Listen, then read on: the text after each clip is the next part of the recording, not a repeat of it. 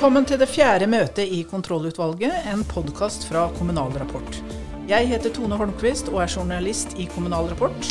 Og jeg heter Jan Inge Krosselid og er kommentator i Kommunal Rapport. Og hver uke så ser vi i Kontrollutvalget på de viktigste sakene i Kommune-Norge. Og noen morsomme. I dag er budsjett første sak. Statsbudsjettet kommer om en uke, og vi snakker med KS-leder Bjørn Arild Gram om KS sine forventninger til koronakrisebudsjettet. Hvordan kan eh, politikerne møte distriktsopprøret? En gruppe med forskere kom med en interessant forslag i en ny bok. Og vi får seniorforsker Reidar Almås på besøk. Av våre faste gjester har vi denne gangen innkalt uh, ingen ringere enn Magnhild Meltveit Kleppa, som skal representere de eldre, for nå er hun blitt pensjonist etter et langt liv i politikken. Og så har rundt 1000 kommuner, og organisasjoner, og bedrifter og enkeltpersoner sagt sitt i høringen om flagging fra kommunale bygg. Og vi oppsummerer høringen under eventuelt. Er dagsorden godkjent? Den er godkjent, og møtet er satt. Første sak på dagsorden er budsjett. Regjeringen legger fram statsbudsjettet onsdag om én uke. Og det blir et slags koronakrisebudsjett hvor eh, 2020 og 2021 nærmest smelter sammen. Vi har med oss eh, KS-leder eh, Bjørn Arild Gram. Og aller først, eh, Gram, du ble valgt til KS-leder i februar, og nesten umiddelbart ble du kasta inn i koronakrisa. Hvordan har det vært? Nei, det ble jo litt annerledes enn det vi så, så, for seg. da. Vi var i gang med å legge mye planer om, om aktiviteten framover. og Kalenderen ble egentlig rydda av, og alle arrangement avlyst. Og så ble det koronahåndtering i stedet. Det har det vel gått så noenlunde. Kommunesektoren har jo virkelig snudd seg og vært kreativ og funnet løsninger. Har du hatt mye kontakt med medlemmene, altså med kommuner og ordførere? Ja, absolutt. Jeg tror jo KS på et vis virkelig har kommet til sin rett i, i den krisa vi har stått i. En betydelig medlemsservice. Eh, og Sjøl har jeg hatt veldig mye dialog med ordførere, fylkesledere, KS. og Oppi alle elendigheter så vil jeg si at organisasjonen vår KS har, har styrka seg gjennom denne krisa. Og Koronakrisen har jo fått store økonomiske konsekvenser også for kommunene. og nå, Det har vært budsjettbehandling nesten hele året, men nå kommer jo statsbudsjettet da med en uke. og hva, hva blir det aller viktigste for kommunesektoren der? Det viktigste er jo det som bestandig er det viktigste, nemlig at uh, vi sikres en økonomi som gjør det at vi kan uh, levere de tjenestene som folk har krav på og behov for. det har jo stramma seg til i kommunesektoren de siste par årene. og bekymringa for neste års statsbudsjett, eller for budsjettene i kommunene og fylkeskommunene neste år, er ganske stor. Ja, for veldig mange gikk inn i koronaåret med ganske dårlig utgangspunkt økonomisk. Ja, det er det vi har prøvd å løfte fram mye da. Som en ting er liksom koronakonsekvensene, men uh, sannheten er jo at vi har hatt ganske fallende resultat nå over noe tid. Og budsjettene for i år, før korona, er lagt opp, har vært mer krevende å lage og har mindre reserver i seg enn inn, inn, på lenge, sånn at det er en krevende situasjon før korona. Så har det vært et krav fra KS hele veien egentlig at alle ekstrautgifter og, og tapte inntekter pga. koronakrisa må kompenseres fullt ut. Og, og, hva legger dere egentlig i, i full kompensasjon? Ja, I del så legger jo det at uh, alle de kostnadsøkene som har kommet, og inntektsbortfallet som har kommet som følge av korona, og jeg vil si skråstrek omslaget i norsk økonomi, så må det er flere ting som påvirker skattesvikten enn bare korona. Er det nok uh, at, at, det skal kompenseres fullt ut? Hvis ikke så vil det jo fort gå utover tjenestetilbudet. Men Er det kommunesektorens måte, samlede kostnader, eller skal hver enkelt kommune få kompensert krone for krone? Ja, altså Begge delene er viktige. Det er klart at uh, Vi må ha i, sånn i makro, da, i sum, så må kommunesektoren være kom kompensert. Men som vi i år sagt hele veien, og i utgangspunktet er det jo litt krevende for KS å diskutere fordeling mellom medlemmene. Men vi har sagt mm. det og vært veldig tydelige på hele veien at, at vi må unngå store omfordelingsvirkninger når kompensasjon betales ut. Det er klart det, husk på det er en, kanskje en 30-40 forskjellige forhold, smått og stort, som skal kompenseres, både av kostnadsøkning og inntektsbortfall. Og det er fort gjort at det kan bli ganske betydelige vridninger her mellom kommunene, og det er mange milliarder det er snakk om. Og det er selvfølgelig, da, da, kan noen vinne på det, og det er jo hyggelig for den som vinner, men for den som taper, da, så kan det være usedvanlig krevende. Så kompensasjon må være så presis som mulig. Men i budsjettet som kommer nå, så dere, vil dere kreve en garanti for full kompensasjon for, i både 2020 og 2021? Ja, det er jo det å være etterspurt hele veien, å ha politiske forsikringer som har trygga kommunesektoren. Eh, og det har vi fått et stykke på vei, men kanskje ikke så eksplisitt som det vi ønsker oss. Det betyr at det står usikkerhet, og det betyr jo at man kommer nå og føler at man må tilpasse seg eh, økonomisk det som, den usikkerheten, sånn at man er på den sikre sida og holder igjen på aktivitet. Og det er ikke bra. Det er ikke bra, fordi at uh, hvis Kan forverre krisa? Nei, fordi at hvis, hvis, vi får mye av det, så, så bidrar jo kommunesektoren til å forsterke det økonomiske nedgangstiden, når vi heller burde vært et kraftfullt redskap for å få fart på økonomien. Er det for deg totalt sett med den prosessen som er lagt opp for, for å kompensere både i år og neste år? Det er som sagt bra at det kommer eh, en egen sak med ytterligere kompensasjon eh, for år i år senere mot slutten av året. Det er veldig bra, og den kartlegginga som skjer det, det er vi er vi, er vi, fornøyd med, så skal jo ikke utvalget se på anslagsendringene knytta til lønns- og prisutvikling og skatteinngangen. Det er jo noe Finansdepartementet forbeholder seg for seg sjøl. Men det er jo viktig at det kommer oppdaterte anslag på det nå i statsbudsjettet. Og vi gjennomfører jo egne kartlegginger om hva som er mulig å ta ut av knytta til den såkalte deflatoren. da.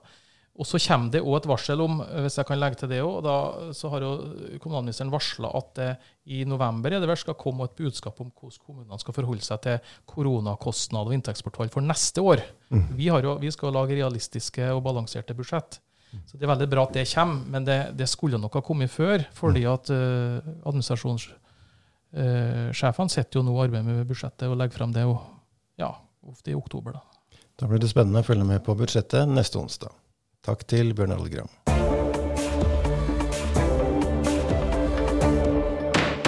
Sak to på dagsorden er eh, distriktspolitikk. Ja, for i forrige uke så kom det en eh, ny bok som en rekke forskere har skrevet. 'Distriktsopprør periferien på nytt i sentrum'. Og vi har med seniorforsker ved Ruralis-instituttet, Reidar Almås. For dere har et konkret forslag i boka til hvordan distriktskommuner kan få en, en større del av inntektene fra naturressurser. Kan du kort fortelle hva dere foreslår? Utgangspunktet vårt er at eh, en del eh, distriktskommuner, som f.eks. vannkraftkommunene, har gode inntekter av sine naturressurser, mens andre kommuner ikke har slike inntekter. Og uh, en del ressurser går i sin helhet uh, inntekter en del ressurser går i sin helhet til staten.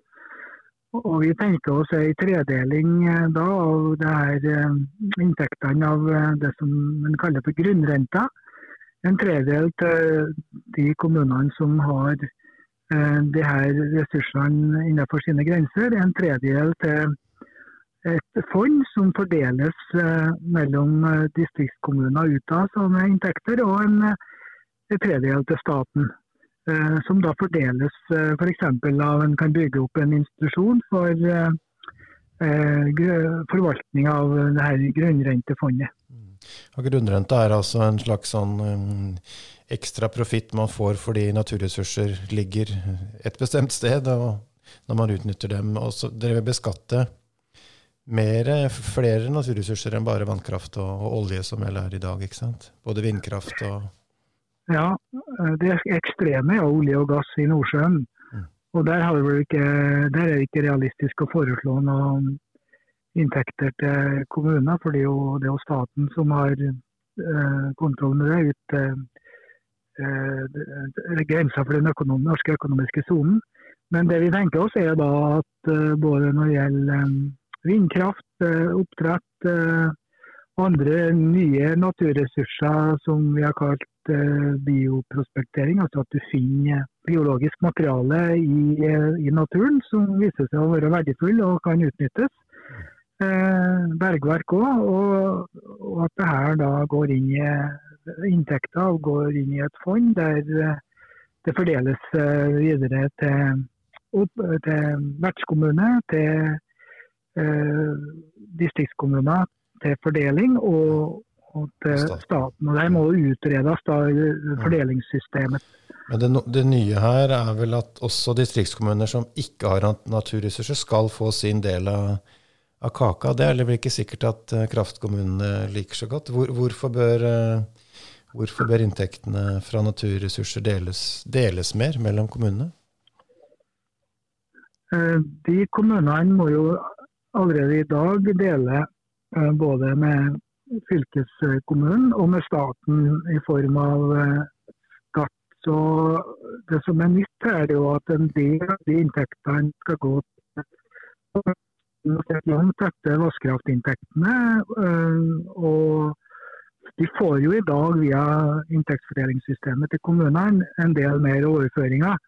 Men det her vil jo synliggjøre at vi har et felles land Eh, våre felle, altså Naturressursene er et fellesgode som bør komme hele landet til gode, ikke bare vertskommune og staten. Mm. Ser dere for dere at eh, kommunene skal kunne søke på disse midlene, eller ser dere for dere at det skal fordeles sånn etter en fast nøkkel? Vi har, vi har ikke foretatt en grundig utredning, og det her må jo utredes.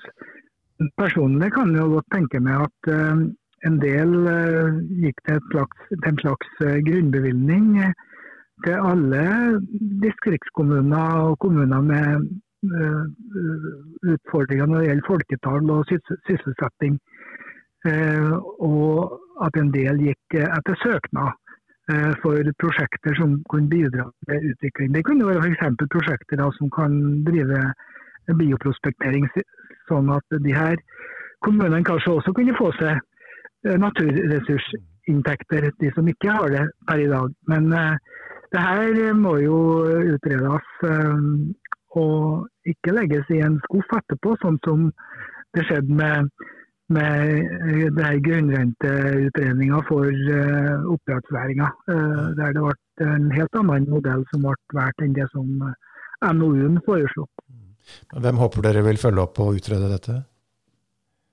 Regjeringen? Nei, Vi har jo eh, sett nå at det har vært en konkurranse om distriktspolitikken. Ja. Og Det er jo første valget på lenge, tror jeg, valget neste år, at det vil bli en konkurranse om eh, distriktspolitikken. Vi har jo allerede sett at et parti, eh, Arbeiderpartiet, har tatt opp et annet av våre forslag om konsekvensanalyse av store reformer for hvordan det virker på balansen mellom by og land. Og Vi tror jo også at det her kan komme kom partiene, opp i konkurransen partiene imellom. Så vi ser jo gjerne at flere partier tar opp uh, det her forslaget og går videre med det. Og at det uh, kanskje kommer inn i en regjeringserklæring etter et uh, neste års valg. Mm. Det blir spennende å se. Da sier vi takk til deg, Reidar Almås.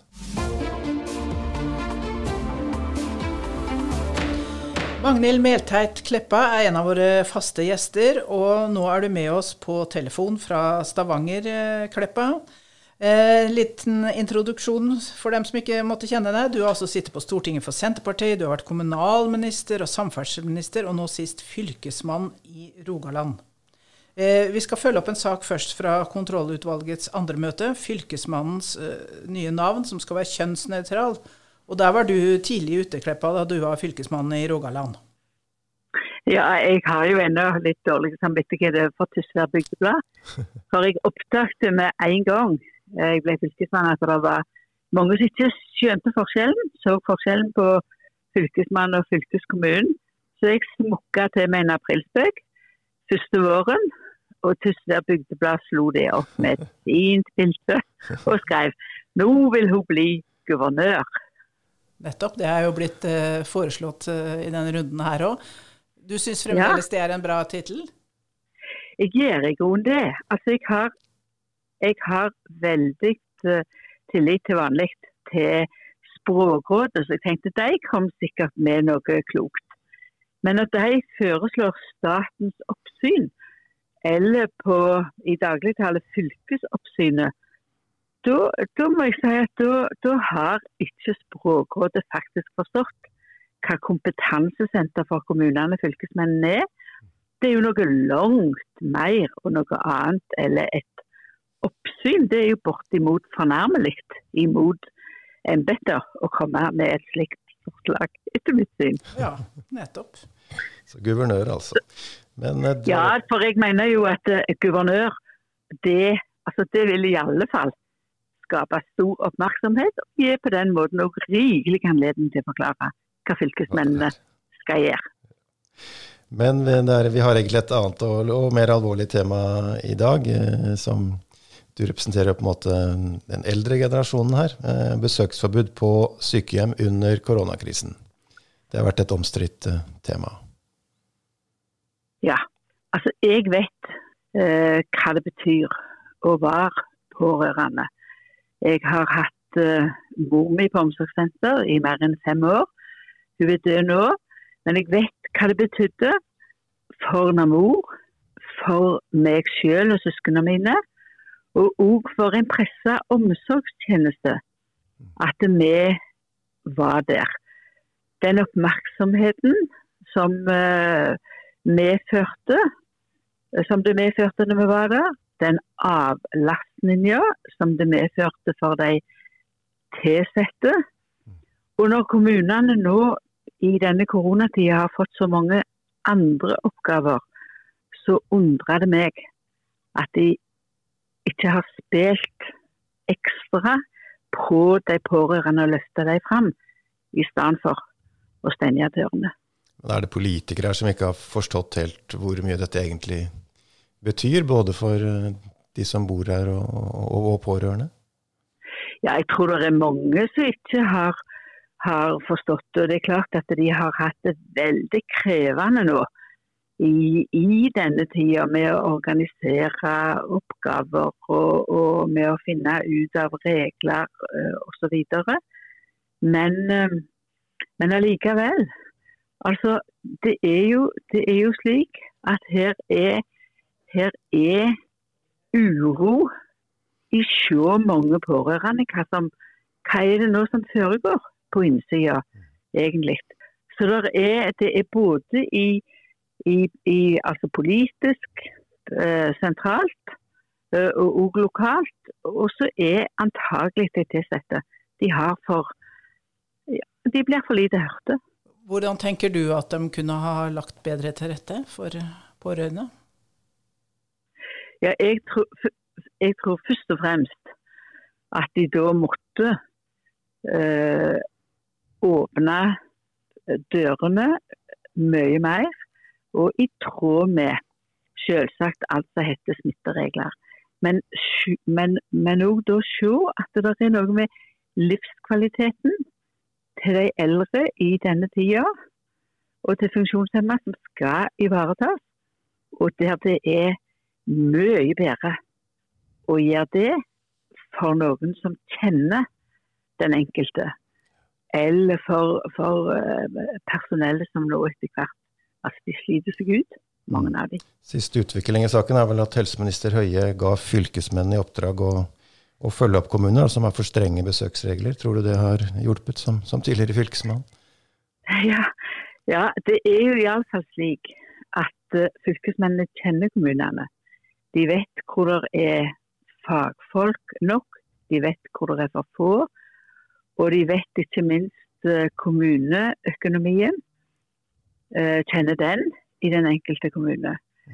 Eh, men jeg tror nok der at hvis at altså så løst som pengene har sittet for ulike bedrifter, eh, så hadde det vært fint hvis fylkesmennene òg hadde noen midler, det trengte ikke så mye, der de kunne både gitt råd, men òg da bidra til at det kunne tilsettes noen flere folk som tilrettela.